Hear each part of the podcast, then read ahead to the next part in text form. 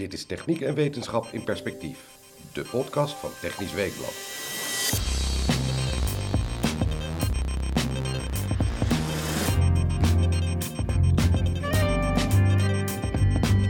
Dit is de podcast van Technisch Weekblad. Onze gast vandaag is Auke Hoekstra, onderzoeker aan de TU Eindhoven. Auke, welkom. Dankjewel. Tevens is aangeschoven Gerald Schut, redacteur bij TW. Hoi Jan. Auke, we kennen jou als ambassadeur van de elektrische auto. Ehm, daar gaan we het straks eh, eerst over hebben. Maar ik ben ook heel benieuwd wat we straks nog meer met die batterijen kunnen doen. Eh, dan alleen maar voertuigen mee, mee, eh, nou ja, mee aandrijven. Ehm, ja, en je hebt ook een, een, leuke visie op hoe we de, auto kunnen, de, de stad kunnen terugveroveren op de auto. Ja, ja, ja. net weer gemerkt dat dat nodig is. Want het stond helemaal vast. Auke, allereerst, um, je wilde het vandaag eigenlijk niet over die elektromotor hebben, die ons uh, eigenlijk alle drie hierheen gebracht heeft. Jou met de elektrische auto, uh, Gerald en ik met de, de trein. trein. Ja, hoe, uh, waarom? Waar, waarom? niet?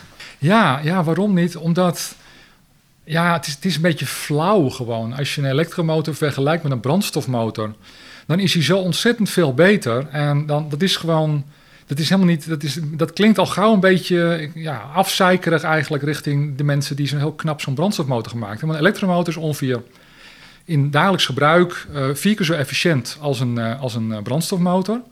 Dus je hebt in plaats van een brandstofmotor bij 75% verlies. Maar een elektromotor heb je, nou, als je een goede hebt, 5% verlies. Dus dat, dat maakt nogal wat uit. En um, hij is klein, hij is licht, hij is goedkoop om te maken. Dus elektrische auto's, die elektromotor is nooit het probleem geweest. Ja, je zegt die, die elektromotor is wel klaar. Ja, nou ja, de, de, het leuke, de ontwikkeling de laatste tijd van elektromotor is...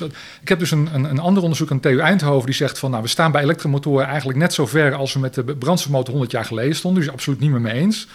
Maar voor het oplossen van het probleem uh, is, is het een beetje in de marge. Het is wel zo dat we steeds makkelijker elektromotoren kunnen maken zonder zeldzame aardmetalen. Die zijn niet echt zeldzaam, maar die zijn wel wat zeldzamer dan koper bijvoorbeeld en soms wat problematischer. Dus het is best wel mooi als je die kan lozen. Daar worden we steeds handiger in. Want de, of zeggen, de computertjes die, die, die elektromotoren aansturen, dat die geavanceerder worden. Um, mm -hmm. uh, kan je als het ware uh, de, de kleine nadelen van zo'n uh, synchronous, synchronous reluctance motor kan je bijvoorbeeld wat beter opvangen. Dus er zijn allerlei interessante ontwikkelingen. Maar het is allemaal voor het brede publiek in de marge. Ja. Hij wordt in plaats van 95% efficiënt, wordt die motor straks misschien wel 97% efficiënt. Waar hebben we het over? Precies, we moeten over de rest hebben. Precies, daar zijn de grote problemen. Ja. En daar zijn ook de grote doorbraken, waardoor de situatie nu compleet anders is. Eigenlijk die elektromotor was 100 jaar geleden ook al goed. Dat is nooit het probleem geweest. Maar die batterijen waar we het net over hadden, ja. daar is zo'n revolutie aan de gang. Daar moeten mensen van horen. Dat is een beetje hoe ik erin zit. Ja? Kan, kan je dat even schetsen? Wat, wat is er gebeurd met die batterijen in de afgelopen 100 jaar? Ja, dat is echt leuk om te schetsen. Um, want toen ik begon bijvoorbeeld met uh, mezelf verdiepen in elektrische auto's, toen, toen zag ik allerlei ontwikkelingen. Maar toen was de batterij die we in de eerste auto inbouwden, was nog ongeveer zo duur als een huis. Tenminste, die was 2 ton of zo. Dan konden we een auto ombouwen en een range van, uh, van 300 kilometer geven. En ook zo zwaar als een huis. Dat niet. Maar, maar die auto was, werd inderdaad, ik denk dat er wel 1000 kilo of 1500 kilo bij het gewicht bij. Het was echt. Het was nog heel erg pionier. En dat was dan al met de batterij die toen was ontstaan, want 20 jaar geleden uh, ik heb er wel eens een, een, een, mooi filmpje over gemaakt. En, uh, en, en 100 jaar geleden was hij zo zwaar als een olifantenbatterij die je nodig had voor een flinke range. En 20 jaar geleden zo zwaar als een, als een neushoorn. Dat is nog steeds niet wat je even meeneemt in je gewone auto. Mm -hmm. Maar met de lithium-ion batterij uh, was de, de, de, de, revolutie al aan de gang. Alleen 10 jaar geleden was hij dus echt twee keer zo zwaar als nu, ruim. Hij was vijf keer zo duur als nu. En hij ging vijf keer minder lang mee. Dus dat zijn nogal veranderingen. En dat is nog gewoon nog bezig. Dus over nog een keer tien jaar is hij waarschijnlijk weer half zo zwaar.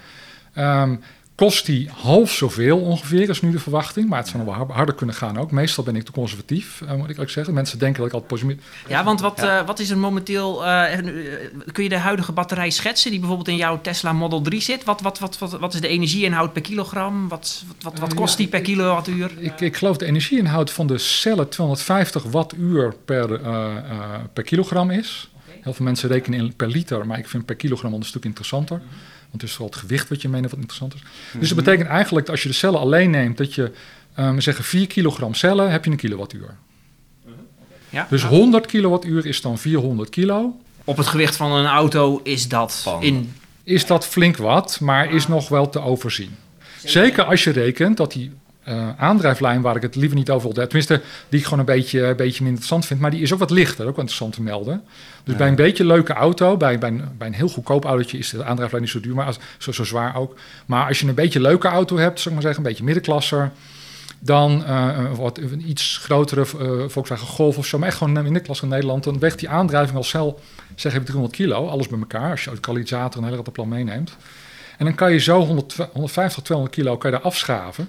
Dus eigenlijk, als je de batterijgewicht bekijkt, moet je ook even bekijken dat die aandrijflijn 200 kilo lichter geworden is. Dat vergeten mensen vaak. En dat betekent dus ook dat als die batterij nog half zo licht wordt, dan weegt die hetzelfde.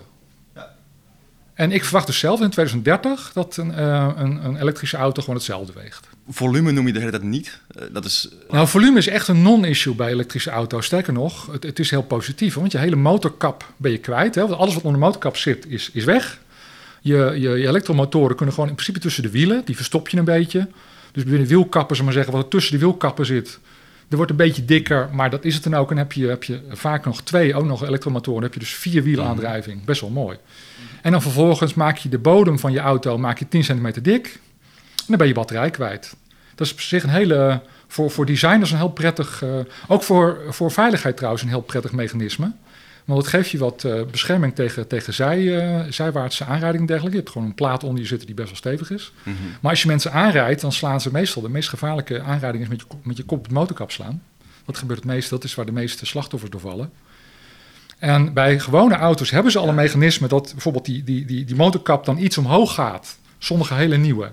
Zodat, zodat die iets weg is van het motorblok, zal maar zeggen. Als mensen met zijn kop opslaat, dat hij iets in kan duwen, dat hij iets kan remmen, dat, hij, dat die klap iets kan opvangen. Bij elektrische auto's er zit niks onder. Ja, je, je koffer of zo met, eh, met kleren of weet Dus ik die hebben veel. ruimte voor een hele comfortabele kreukelzone. Ja, nou ja, comfortabel. Ik zal het niemand aanbevelen, maar, maar het is een stuk beter dan met je kop op een eh, motorblok slaan. Ja. Oké. En misschien, misschien nog even verder, want eh, j- j- j- jij houdt wel van out, out of the box denken, volgens mij. Eh, ehm, wa- wa- wa- wat voor andere manieren zou je een, een auto eh, heel anders kunnen gaan ontwerpen?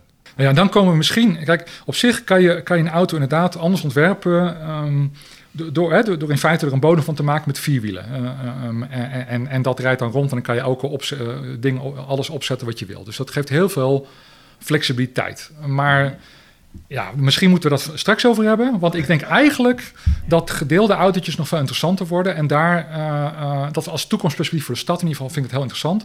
En dan geeft de elektrische auto veel meer vormvrijheid omdat je, ja, elektrisch valt gewoon heel makkelijk te schakelen van heel klein tot heel groot. Je hebt geen uitlaatgassen, dus je kan gewoon gebouwen inrijden en dergelijke. Dus het is een heel flexibel concept om mee te spelen. Ja, ja, ja. En ehm, de, de, de levensduur van batterijen is ook nog een tijdje, een eh, tijd lang misschien een issue geweest. Eh, Ja. hoe, hoe is dat momenteel? Eh, jij rijdt zelf in een Tesla Model 3. Eh, Ja, ik Ja, hoop om tot mijn, tot mijn dood te gaan rijden. En dan, dan zal hij tegen die tijd waarschijnlijk wel iets van 500.000 kilo op de teller hebben of zo. En dan eh, ehm, 500.000 kilometer. En ja, ik denk wel dat hij dat gaat halen. De, de, de- het ziet er naar uit dat, eh, dat de huidige batterijen iets van 600.000, 700.000 kilometer wel moeten zouden kunnen gaan halen. Als je ze een beetje goed behandelt. En ehm, eh, CATL en, en, en, en Tesla, de Gigafactory, Panasonic, je die hebben allebei aangegeven van, nou, als je ons ietsje piets meer betaalt, ehm, dan gaan we straks de 2 miljoen kilometer halen. Nou, dat, is, dat is waanzin. En dat is, eigenlijk is dat 5000 cycli of zo in de praktijk. Mhm. ja, dat is ja, eigenlijk een betere manier om te zeggen. Ja, enorm die ontwikkeling. Ja. Ja, ja, dus vroeger was dat batterij was de grote bottleneck. En, en, en wat ik mensen dus maar probeer te vertellen, alles wordt anders. Door die batterij echt tien keer zo goedkoop. En tien, eh, vijf keer zo licht, eh, ehm, eh, tien keer zo lang mee. Dat is echt, dat is zo... Moet je je voorstellen dat benzine ineens nog maar een tiende kostte. Nou, dan is diesel natuurlijk gewoon meteen uit de race. Dat is duidelijk. Of dat diesel. Hè, dan, Ja. dan wordt die verschillen zo enorm. En dat is dus aan het gebeuren bij de elektrische auto. Uh-huh.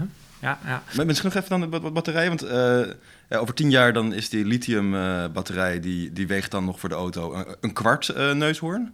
Als ik eh, goed reken. Eh, nee, nee, nee, nee, want de neushoorn was niet een nikkelmetaalhydride, in mijn Oké, sorry, vergelijking. ja. Ondertussen, ondertussen zaten we eh, twee jaar terug op een gorilla.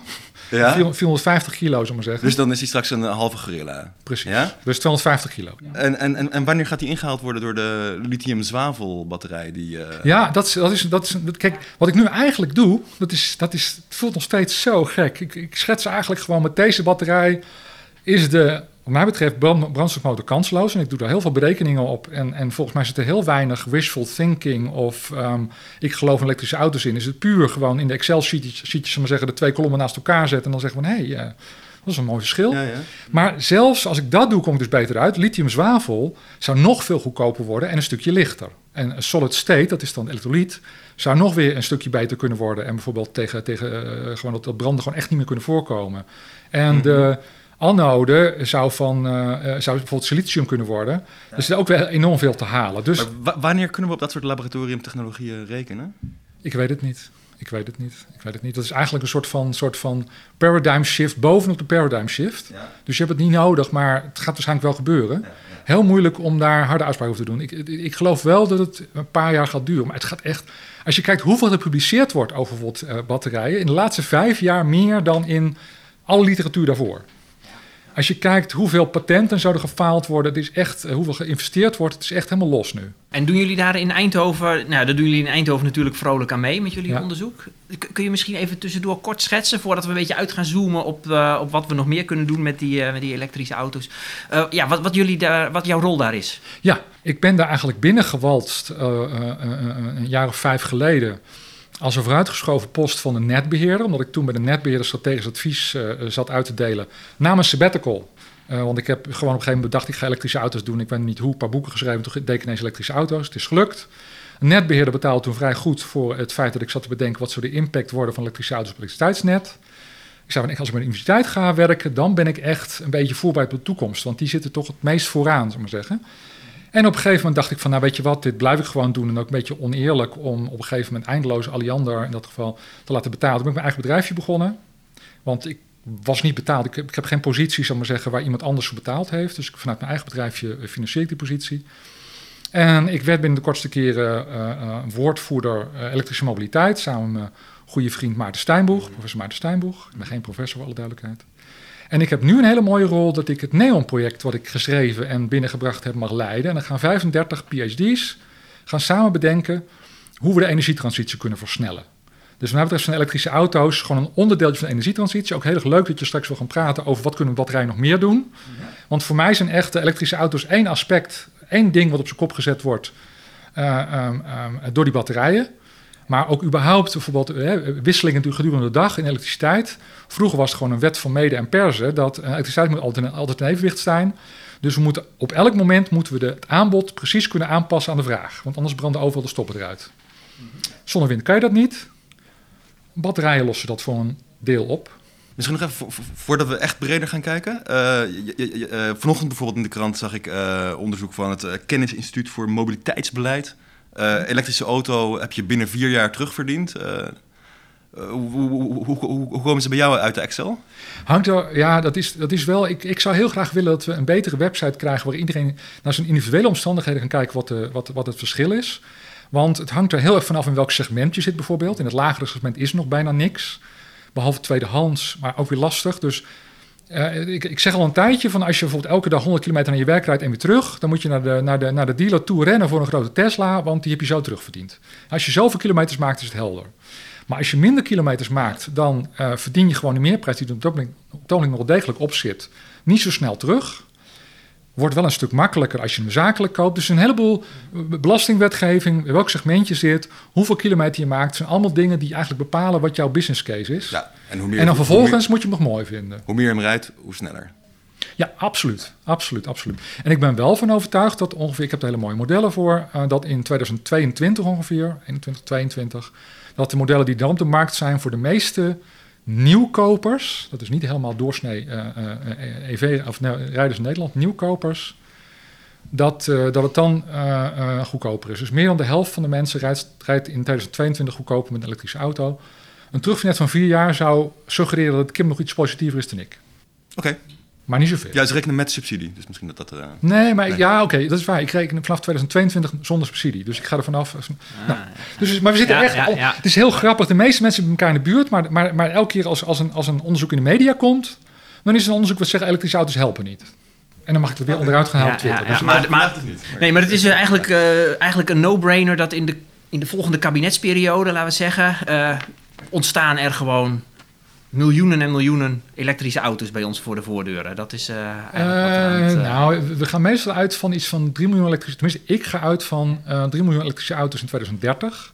Want je bent een vervangings, vervangingscurve.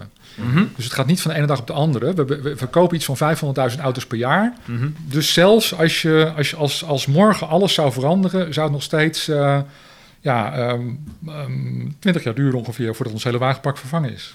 Wat kunnen we nog meer met die batterijen doen?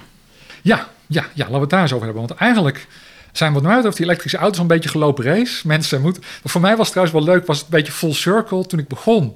Toen was het een beetje gekke Henkie. Die, die, dat was de idioot die altijd eh, stond te roepen... elektrische auto's worden het helemaal. En nou, het is heel sympathiek, dus we nog een verhaaltje houden.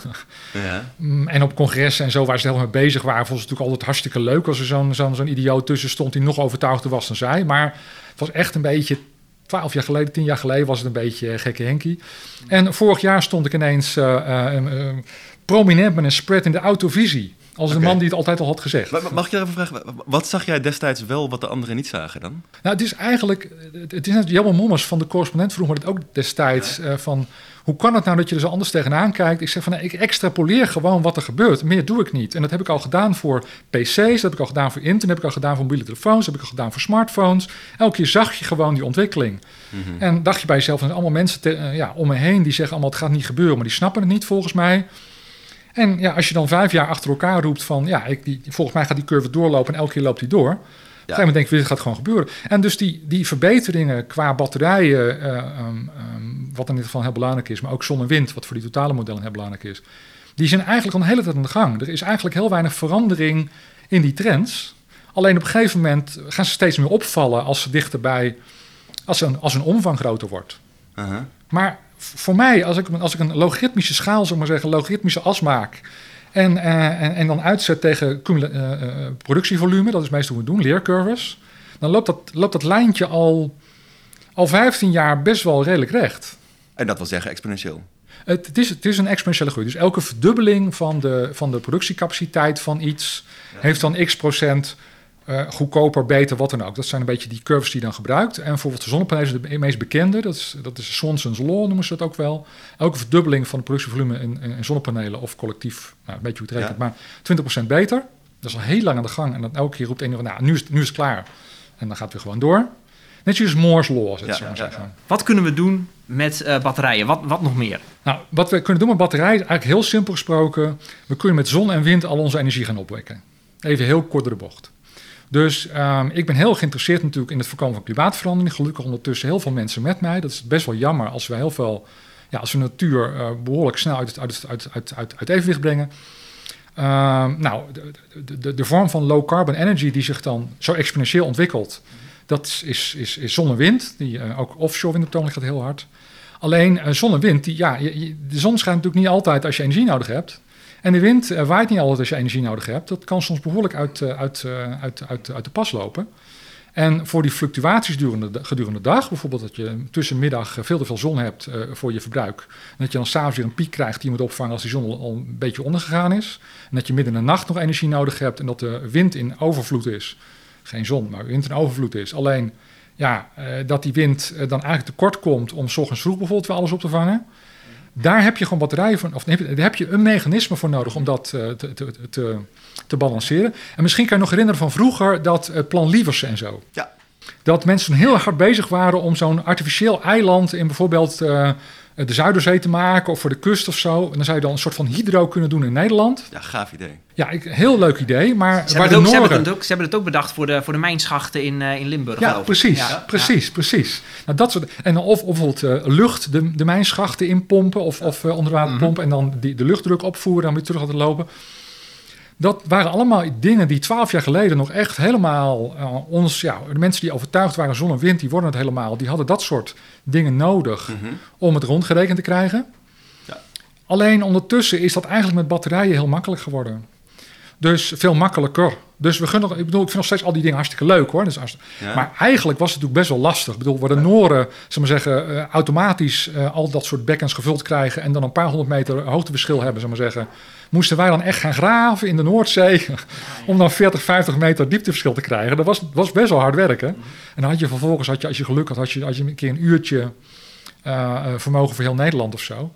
Dus het, het was gewoon heel lastig. En batterijen is het gewoon eh, ja, echt revolutionair veranderd. En toch heel veel mensen snappen nog steeds niet hoe revolutionair batterijen zijn. Ja. En, maar wat, eh, stel, ik, ik koop eh, vanmiddag, of tenminste, ja, ik koop vanmiddag een eh, elektrische auto. Nou ja, goed, Ja. ik ben slechtziend. Ik, ik rij geen auto, maar ons- mijn vrouw, Mevrouw, koopt, een, ja. mijn vrouw Ja. koopt een elektrische auto. Ja, jij koopt straks een autonome ik zet, hem, auto. ik zet hem aan het, ik zet hem vanavond aan het stroom. Ja, ehm, wat, wat, wat kan ik dan nu doen?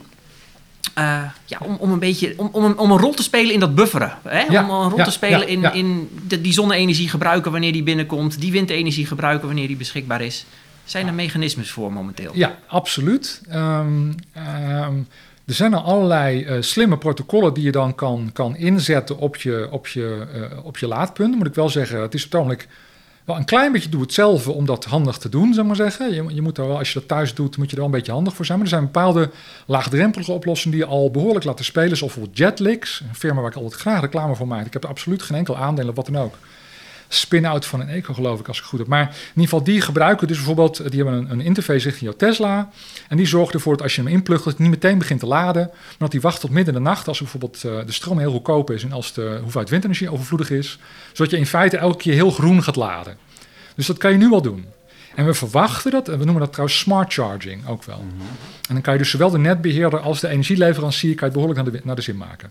En wat we verwachten over een jaar of tien, is dat we dan, misschien al vijf, misschien al sneller, want, want iedereen wil het wel, is dat we meer vehicle to grid gaan doen, zoals het heet. Dus van je voertuig naar het elektriciteitsnet, het grid.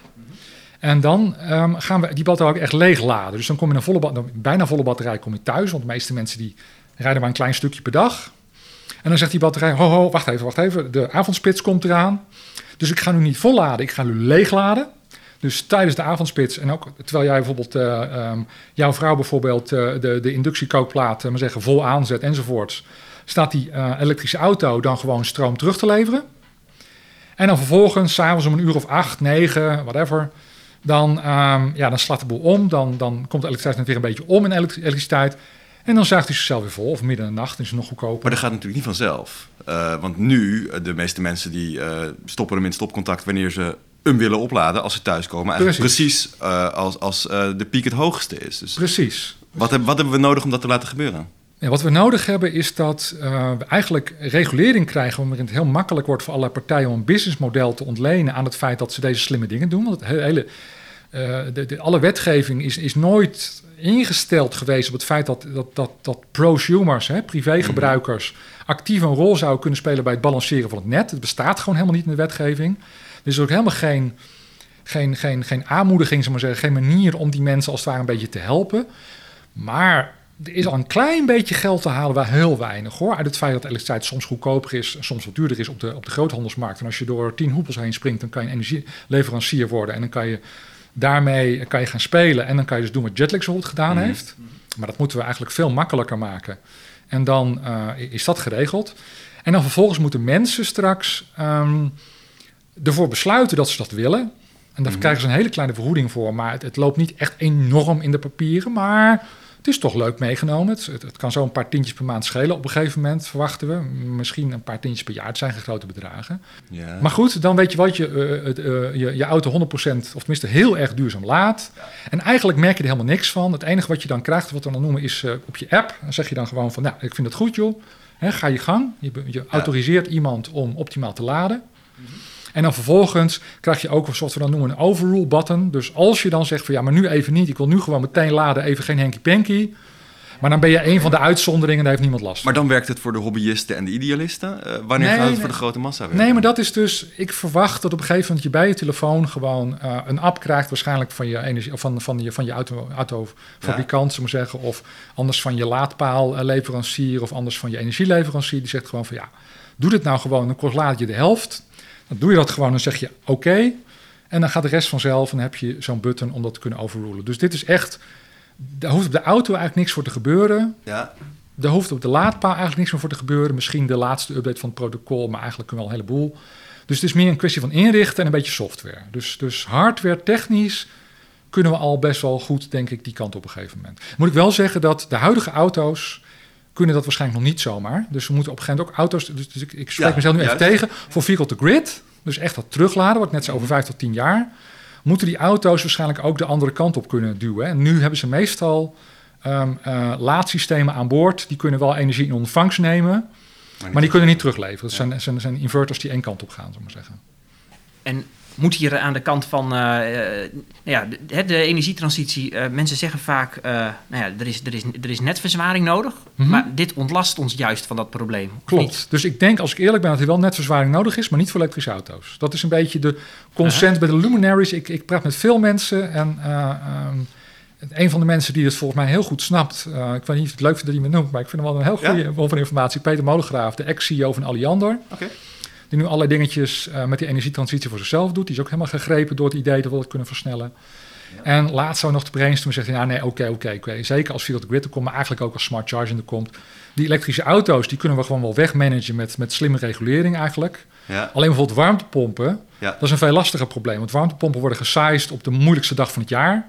En op die dag staan ze gewoon allebei de hele dag te, te, Ja. te pompen. Of ze staan gewoon al die warmtepompen de hele dag te pompen. En dan moet je iedere kamer in je huis 21 graden kunnen stoken. Precies. En dat betekent gewoon dat op dat moment de, je, je misschien 10 kilowatt gaat vragen. Terwijl eh, aansluiting Ja. normaal gesproken gesized wordt op anderhalf kilowatt als je een nieuwbouwwijk hebt. Of minder in een, in een oudwijk. Gemiddeld genomen gebruiken we in Nederland 300 watt per, per huishouden ongeveer. Ja. En als je dan ineens met z'n allen 10 kilowatt gaat gebruiken om de koudste van het jaar is al die warmtepompen slaan aan, dat is veel lastiger te managen. Dus we moeten wel net zoals ook nieuwe zonneparken aanleggen of zo, eh, windparken op zee. Er er komt van alles op elektriciteitsnet af. Mhm. Dus je moet er ook niet denken dat je, dat je voor een dubbeltje op de eerste rang kan zitten en dat allemaal voor niks kan. Maar die elektrische auto's, dat is gewoon een kwestie van het slim laden regelen. En als we straks via de grid doen, kunnen ze zelfs heel actief mee gaan helpen. Ja, want als, als we even terug naar... Jij, jij- zegt eh, 3 miljoen eh, elektrische auto's in 2030. Eh, hebben we hier in Nederland staan. Hm, zoiets, ja. Hoe- hoeveel kunnen we daarmee eh, opslaan om... eh, Oh, als, we, als we die zouden hebben, dan kunnen we eh, ehm, in ieder geval gedurende de dag, ook wel gedurende twee dagen, kunnen we het hele net gewoon kaarsrecht trekken. ja, wat, wat voor vermogen kunnen die leveren voor, de, voor net? Nou ja, reken nu even dat de maximale fossiele vermogen, wat, het maximale vermogen nu bestaan is, ik weet eigenlijk niet precies, maar het zal iets van 14 gigawatt zijn of zo, denk ik. Zoiets gok ik ongeveer. Een elektrische auto kan op zich al snel, ehm, ja, dat is een beetje afhankelijk van hoe je hem aansluit. Maar laten we even zeggen dat, dat het op een gegeven moment dat we dit een leuk idee gaan vinden dat elektrische auto's 10 kilowatt kunnen leveren. Dan moet ik even goed gaan nadenken. Als we met 10 kilowatt leverende auto's eh 10 gigawatt of 15 gigawatt willen leveren, dan volgens mij zitten we aan 1 miljoen auto's. Dus ik denk dat we met anderhalf miljoen auto's ehm, eh, meer energie kunnen leveren dan het hele elektriciteitsnet nu al bij elkaar geleverd kan krijgen. Dus de facto, de facto, een miljoen is gewoon, is gewoon zat. Ja, dus die piekjes die halen we er daarmee uit. Die pieks halen we uit. Dan zit er nog wel het probleem zomer en winter. In mijn energiemodellen is het ook waar ik het meeste tijd mee kwijt ben. De zogenaamde donkelflauten, zoals de Duitsers het noemen. Lange periode met weinig wind en zon. En eh, ja, dan moeten we het echt hebben van, van wat mij betreft, van chemische opslag. Chemische opslag heeft als nadeel dat, hè, dus van elektriciteit, want dat is toch de mooie bron van duurzame energie die heel snel groeit. Zelfs als je een fan bent van nucleair, ik, ik verwacht niet dat het heel snel zal gaan, maar, maar wel low carbon, we maar zeggen. Dus, dus power to them. Ook elektriciteit. Dus eigenlijk alle vormen van low carbon energy die we kennen, die opschaalbaar zijn, ehm, en waar je weinig natuur en, ruimte voor nodig hebt, die leiden tot eh, chemische opslag. Of sorry, die tot elektriciteit. En elektriciteit moet omgezet worden dan in chemische opslag. En dan vervolgens moet je weer terug, want je wil ook elektriciteit gebruiken. Dus die omweg is heel lastig. Ja, en heen en terug, dan hou je nog een kwart over. Dan hou je ongeveer de helft tot, eh, tot eh, ja, hou je meestal ongeveer de helft over. Als je, als je, in sommige gevallen hou je een kwart over inderdaad, zoiets. Dus dat is puur jammer.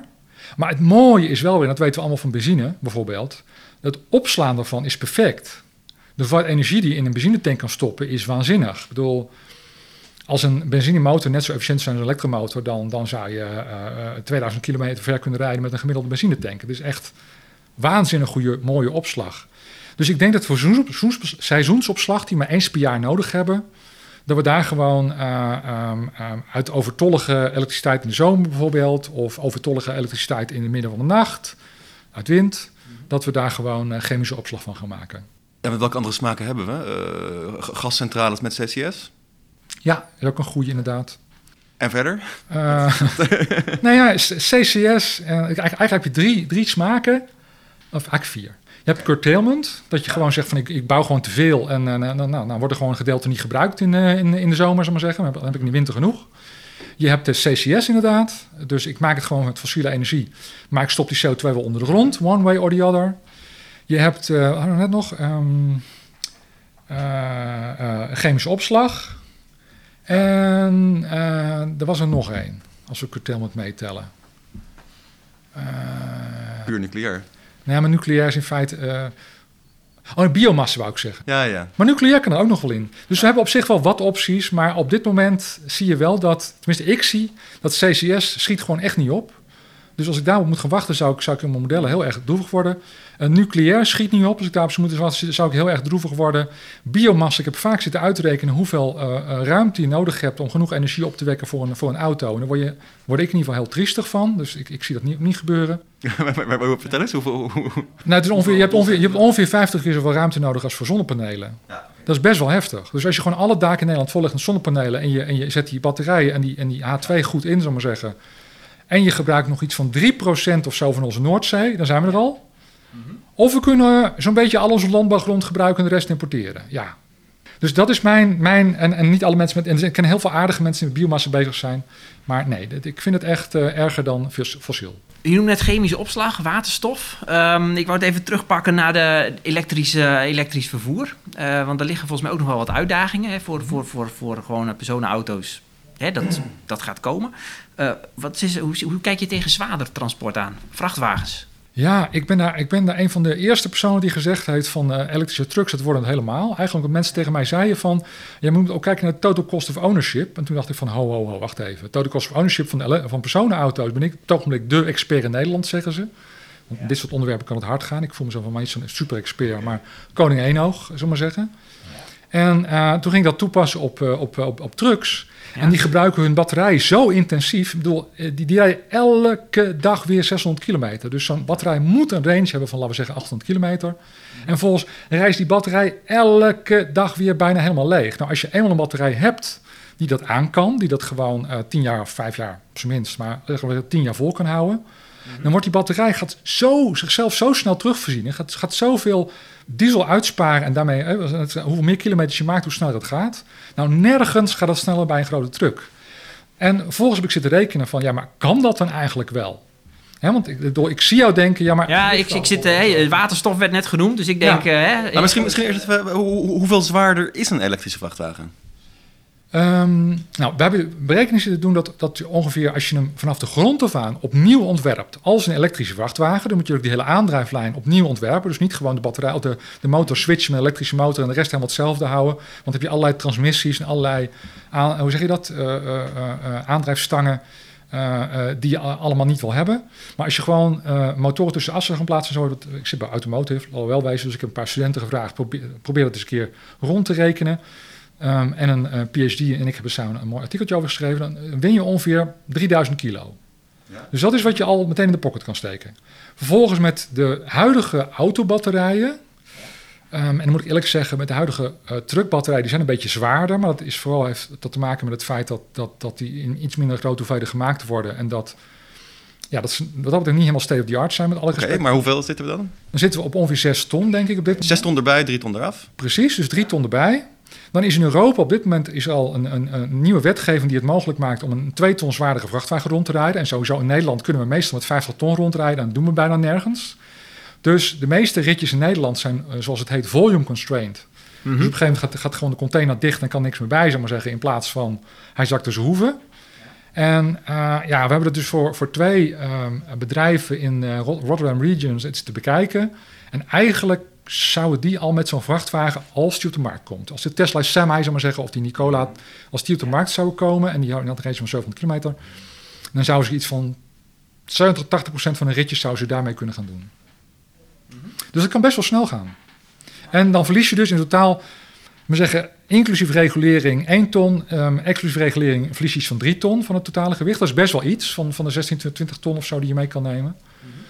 Maar ook daar geldt weer, over een jaar of vijf à tien... en de meeste mensen kijken nog veel langere termijn en zeggen... dan is die elektrische auto is in 2050 gaat die misschien opkomen of zo, die elektrische truck.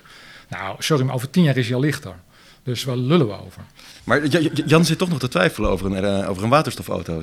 Ja, waterstoftruck. Nou ja, goed. Ik heb uh, recent uh, een interview gehad met, met, met Joop Meiland, directeur van binnenvaartcontainer terminals BZTN. En, ja. die, die zei ook gewoon, die zei, ja, hè, mijn, mijn personeel wordt er heel enthousiast van om, de, om, eh, om ons wagenpark elektrisch te krijgen. Eh, zelf wil ik het graag. Onze klanten vinden het wel leuk als we met elektrische trucks komen. Ze, ze zijn gewoon nog drie tot vier keer zo duur. Ik krijg Klopt. het. Ik Nee, krijg maar daar heeft hij gewoon helemaal gelijk in. Heeft hij gewoon helemaal gelijk in. Ik bedoel, ik zit er met kristallenbol te kijken en ik zeg dan nou, kom op.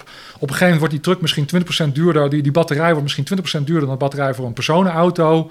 Maar dan moet het toch gewoon lukken. Want je kan het. Maar het duurt gewoon jaren voordat jij een model op de markt hebt wat gewoon werkt. En ehm, op dit moment is ook nog geen enkele elektrische truck verkrijgbaar die echt als elektrische truck ontworpen is. Dat zijn eigenlijk allemaal ombouwdingetjes. Dus je zou kunnen zeggen dat elektrische trucks zijn ongeveer net zoveel als met elektrische auto's 15 jaar terug. Net als eh, ze zitten op het punt van, de, van, van, die, van, die, van die Tesla Roadster, van, dit, Ja. eh, van dat sportwagen. Nou, eigenlijk nog geen eens. Zit, zit het punt eigenlijk op, op, de, op het punt waar we toen zaten, wat je net vertelde, dat we twee ton moesten stoppen in zo'n, in zo'n ombouw van zo'n, van zo'n Volkswagen Golfje. En dan reed hij 300 kilometer. Dan zijn we allemaal ho, ho, ho. Maar, en de batterijen zijn ondertussen wel veel beter geworden. Dus de- dat, ze, ze beginnen als het ware wel met een, met, met een voorsprong, zullen we maar zeggen. Maar nog steeds, al die trucks zijn gewoon ombouwtrucks. Ja, en ook die, eh, die trucks, als die... eh, ik heb wel eens een plaatje gezien van iemand van, eh, van Volvo Penta. Die, die, die, die liet dan een, een truck zien. Eh, nou ja, die dan zwaar tegen een helling optrekt. En Ja. dus permanent, ja, continu gewoon 750 pk nodig heeft. Ja. Eh, ja, die, die batterij die gaat... eh, als je dat met een elektrische batterij moet, die batterij wordt overbelast. Het is een beetje hetzelfde als een uitzending van Top Gear... waar die Tesla Roadster op een gegeven moment oververhit raakte... en ze hun, hun, eh, hun rondjesrace af moesten lasten. Ja, maar je weet wel dat er een script was van tevoren die bepaald had hoeveel kilometer die leeg was. Hè? Want die toen nog half vol was. Ze hebben een script gevonden later van, van die Top Gear uitzending. Ja. En er was precies bepaald op welk segment die leeg was. Ja. En eh, vervolgens is hij van de baan afgeduwd, omdat hij leeg was. En toen was de batterij nog half vol. Dus, ze, hebben, dus ze hebben ons eigenlijk een beetje zitten... Het, het- ze hebben gezegd van je mag ons. Ze zijn uiteindelijk eh, ze zijn al door eh, oververhitte Elon voor de rechter gesleept. Dat heeft hij verloren, want eh, ze zeiden, we zijn geen documentaire programma. We zijn gewoon een, een vermaakprogramma. Ja, ja, ja. en de rechter ja, zei, ja, het is wel eigenlijk wel een vermaakprogramma. Uh-huh. Nee, dus, dus, maar het is wel zo dat inderdaad, als jij op de Nürburgring gaat scheuren met een elektrische auto, dan na, na, na, na twee uur of zo is hij wel leeg inderdaad. En ook als je de, de, de, de, de, hoe heet het, eh, de Brenner Pas op moet of zo. Ja, ja. Maar aan de andere kant denk ik ook bij mezelf van, hoe vaak moet een vrachtwagen eigenlijk de Brenner Pas op? Als je nou gewoon halverwege die Brenner Pas een extra laadpunt zet, Mhm. dan hebben we dat probleem ook weer opgelost. Want het is niet het, het vermogen van die batterijen, want 750 kilowatt. Eh, ze ver- verwachten nu dat we gaan laden met iets van een, kilo, met een mega- megawatt of zo. Dat is toch een beetje waar. En ook als je, gewoon- kijkt, hè, want een huidige elektrische auto, die eh, laat met maximaal op dit moment van 150 kilowatt. Dus dan, eh, dat is ongeveer 1 kilowatt per kilowattuur. Even, even, even nee, 2, 2 kilowatt per kilowattuur zelfs ongeveer. Want is ook een, ook een batterij van 75 kilowattuur kan er gewoon op 150 kilowatt vol worden gesmeten. Als hij op zijn snelst gaat hoor. Een bepaald stukje van zijn laadcyclus. Maar goed, laten we niet te diep gaan. Dan vervolgens stop je tien keer zoveel in die auto. Dat betekent dat je aan anderhalve megawatt zit. Want eh, je, je, je, jullie lezers en jullie, jullie luisteraars weten waarschijnlijk dat een batterij... dat het vermogen moet je rekenen in C. Het, het is in feite gewoon vermogen per kilowattuur die in de batterij gaat, zeg maar zeggen. Per, hoe, hoe- je het rekent. De stroom die uit een bepaalde cel kan komen. Als je tien keer zoveel cellen doet, kan je tien keer, zoveel stroom uittellen. Dus doordat, die, doordat, doordat vrachtwagens hele grote batterijen hebben... kunnen gewoon dezelfde batterijen die in auto's zitten... kunnen ook gewoon waanzinnige laadstromen en ontlaadstromen... en vermogensstromen leveren. Dus als je anderhalve megawatt kan opladen... kan je ook anderhalve megawatt in je motor stoppen. En dat is belachelijk veel voor een truck. En jij dacht, dan blijft er nergens meer een plekje voor waterstof over in de mobiliteit. Nou, ik zie, ik zie, ik, ik zie Kijk, waterstof is ten eerste is ontzettend low carbon, net zoals ehm, eh, eh, eh, batterijen. Dus het hele idee van ah, het ene moet het worden en het andere mag het niet worden, vind ik een beetje onzin. Je hebt er wel meer wind of zon voor nodig. Maar aan de andere kant heb je minder schaarse materialen voor nodig. Dus ik vind dat er voor allebei iets te zeggen valt. Dus vanuit zeggen, maatschappelijk front, wat ondernemen moet je wel noemen, oogpunt, moet je ze allebei een warm hart toedragen. Ehm, eh, mijn probleem zit meer in de kosten eigenlijk. Ik verwacht dat ze gewoon te duur blijven. Dat is mijn eigen, eigenlijk mijn enige reden dat ik ze eh, weinig marktaandeel zie krijgen. Maar voor bijvoorbeeld, ik noem even wat, als je hele lange afstanden achter elkaar moet rijden en daarna moet je snel opgeladen zijn. Sowieso natuurlijk met trucks die bijvoorbeeld met, met, een, met een koppel rijden. Je hebt soms, soms van die trucks die moeten gewoon snel ergens zijn. Gaan er gewoon twee chauffeurs mee. Eén rijdt als de ander slaapt. Nou, dan ben je helemaal gek als je dan eh, een, een, elektrische truck hebt. Want die moet dan om de 2,5 uur moet een half uur stoppen verplicht. Dat, dat kan dus niet samen. Sowieso, als je hele lange afstanden rijdt en eh, je hebt een beetje volume over, dus je kan op zich best wel een beetje volume opofferen, zullen we maar zeggen, bijvoorbeeld. Mhm. Dan kan je met waterstof, kan je met relatief weinig gewicht, kan je heel veel eh, eh, range, als het ware, in je auto stoppen. Dus er zijn allerlei redenen te bedenken waarop waterstof... En, en misschien wordt waterstof straks, en misschien wordt elektrolyse straks bijvoorbeeld super goedkoop. Dat zou kunnen. Zou kunnen, dat moet long way to go, maar zou absoluut kunnen. Ja, en dan vooral de hele equation, want dan is het ineens van ja, maar zodra we een kilowattuurtje over hebben, zullen we zeggen zonne-wind, wat we even niet kwijt kunnen, maken we meteen waterstof van, waarom niet? En dan heb je gratis waterstof. Nou, nogmaals, in mijn modellen mm, moet er nog redelijk wat water door de, rij- door de wijn vloeien, maar het zou, het zou kunnen. Het zou kunnen. Het verandert best wel snel ook. De prijs van waterstof, de prijs van elektrolyse enzovoort, Ja. de prijs van fuel cells eh, verandert heel snel en ze hebben heel weinig constraints in de zin van dat de grondstoffen keihard nodig zijn, dat je nu al weet dat, dat het altijd duur zal blijven. Kijk, met, met, met, met benzine en diesel weet je dat het, vrij, dat het altijd ongeveer dezelfde prijs... Tenminste, dat het niet zoveel goedkoper kan worden, want het is waanzinnig mature technology. Je moet gewoon die pijp de grond in douwen. Je zal uiteindelijk gewoon alles moeten vervoeren. Dus dat hele, dat hele systeem, zal maar zeggen, dat kan je misschien eens een keer half zo goedkoop maken als alles perfect gaat. Maar dat kan niet op zijn kop. Maar bijvoorbeeld zonnepanelen, om wat te noemen. Als je op een gegeven moment een nieuw stofje uitvindt... eh, waar- waarmee je nog dunnere zonnepanelen kan maken of zo... dat zou zomaar kunnen. Dan zou op een gegeven moment... ik zie het echt wel voor me dat op een gegeven moment... een dak, bijvoorbeeld mijn dak...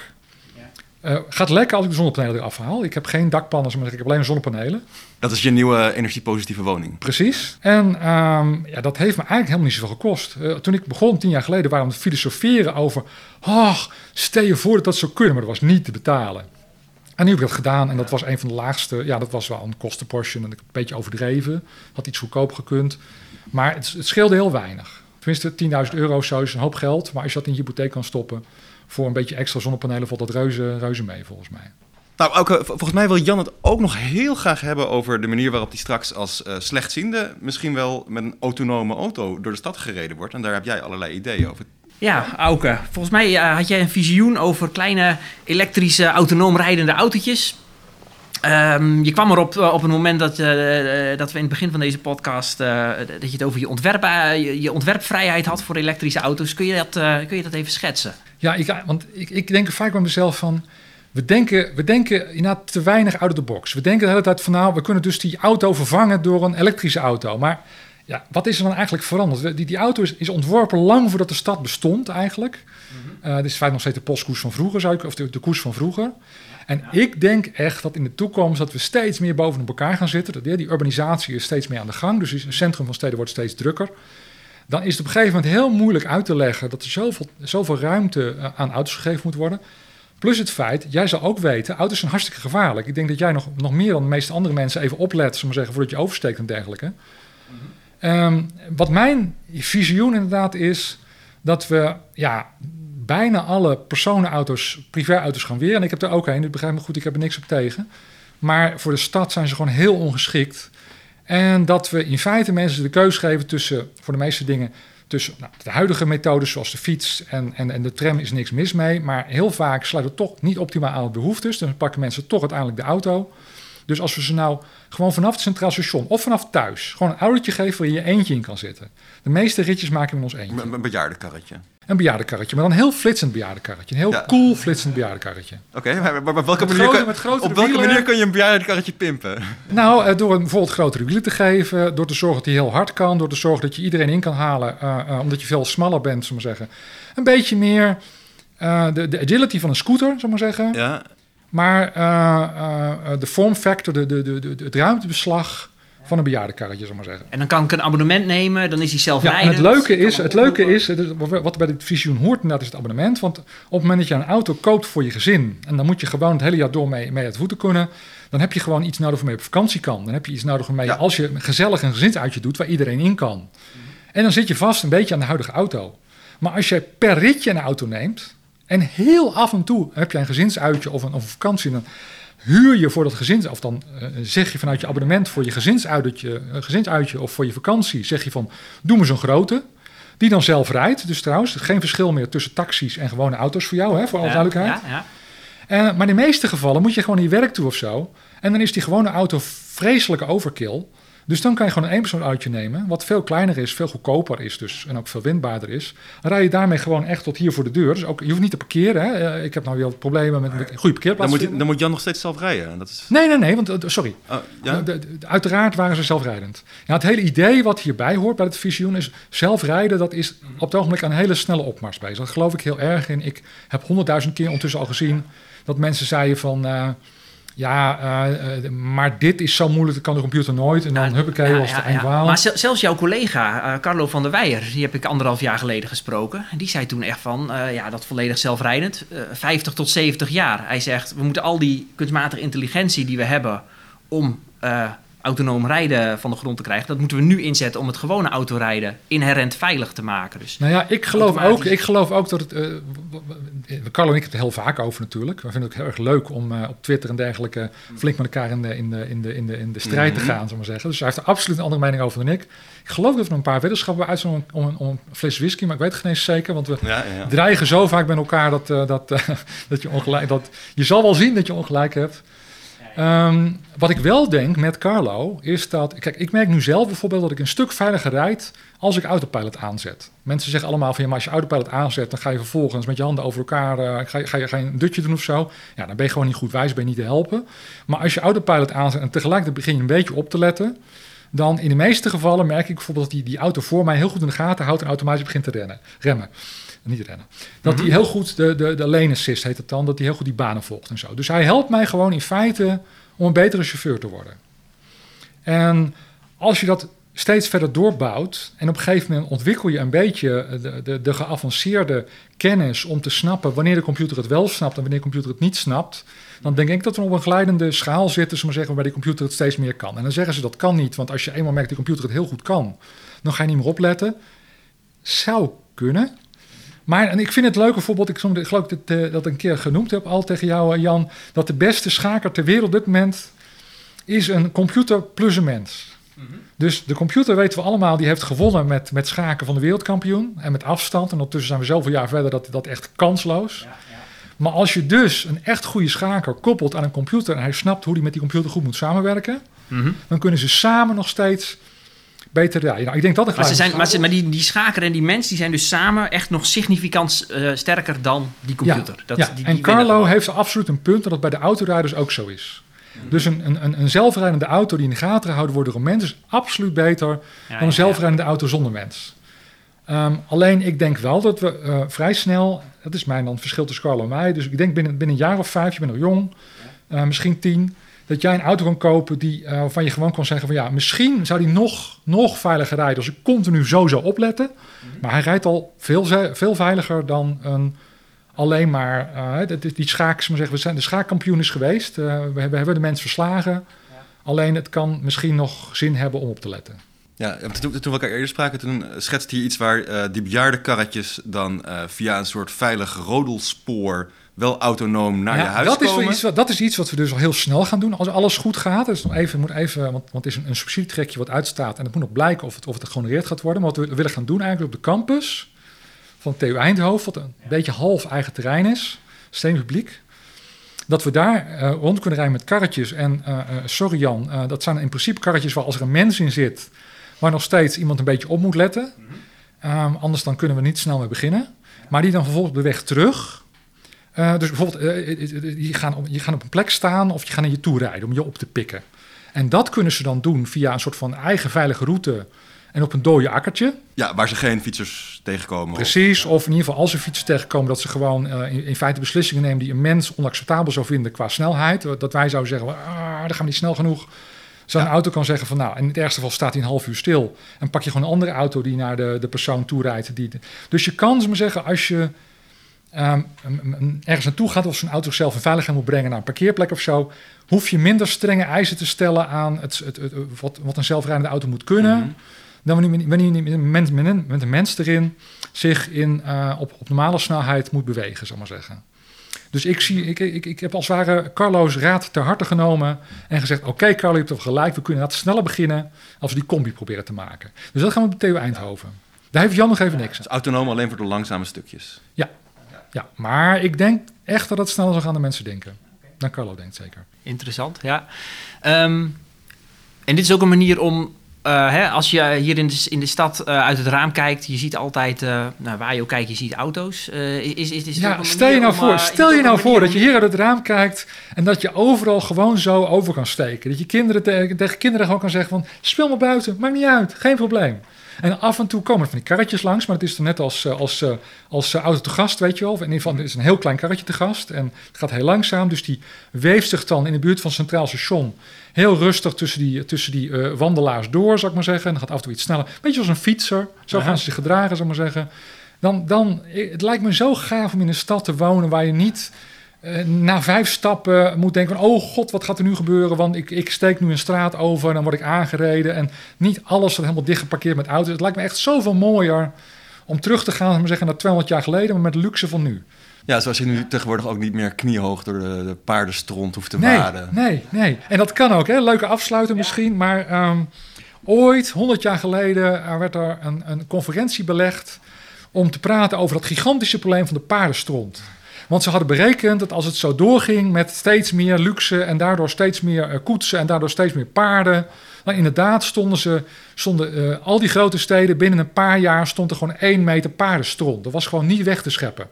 En uiteindelijk na drie dagen is die, eh, is die conferentie. Nee, nee, na één dag is juist korter geworden. Want ze zagen op een gegeven moment, ja, dit gaat gewoon nergens heen, heeft gewoon geen zin. En zijn onverrichte zaken naar huis gegaan. En 15 jaar later eh, was, de, was de paardenkoets een zeldzaamheid geworden. eh, en eh, in de grote steden in ieder geval. En hadden auto's dat probleem in ieder geval gewoon opgelost. Nou, ik denk dat met de ICT van nu, gecombineerd met die batterijen en gecombineerd met de elektromotor, dat we weer zo'n stap kunnen maken. En dat we dan straks zeggen van, ja, maar met een auto de stad in. Dat is toch gekkigheid. Kijk, als, als laatste eh, gaf je je visioen eh, met de paarden, eh, de elektrische auto's, de, de batterij, de elektromotor, de kunstmatige intelligentie, die gaan ook dit probleem van die auto's in de stad oplossen. Auke, interessant. Nog een hoop werk te doen bij de, bij de TU Eindhoven de komende jaren. Hartelijk dank voor je komst. Fijn dat je er was. Bedankt Ehm, dat jullie me uitgenodigd hebben. Ja, Leuk om te doen. En, nou ja, we houden je, we houden Wie je weet tot de volgende keer. En dank u wel voor het luisteren naar deze podcast. Eh, voor vragen, opmerkingen of suggesties kunt u een e-mail sturen naar redactie.tw.nl of u richt het tot ons Twitter-account @twdigitaal. Dan wil ik nog Bureau Beeld bedanken, Joost Snel en Lodewijk Mengelberg eh, voor de regie, montage en opname van deze podcast. En Matthijs van der Veer heeft de intro-tune van deze podcast gemaakt. Dank daarvoor. Dit was Techniek en Wetenschap in Perspectief. Bedankt voor het luisteren. Tot de volgende keer.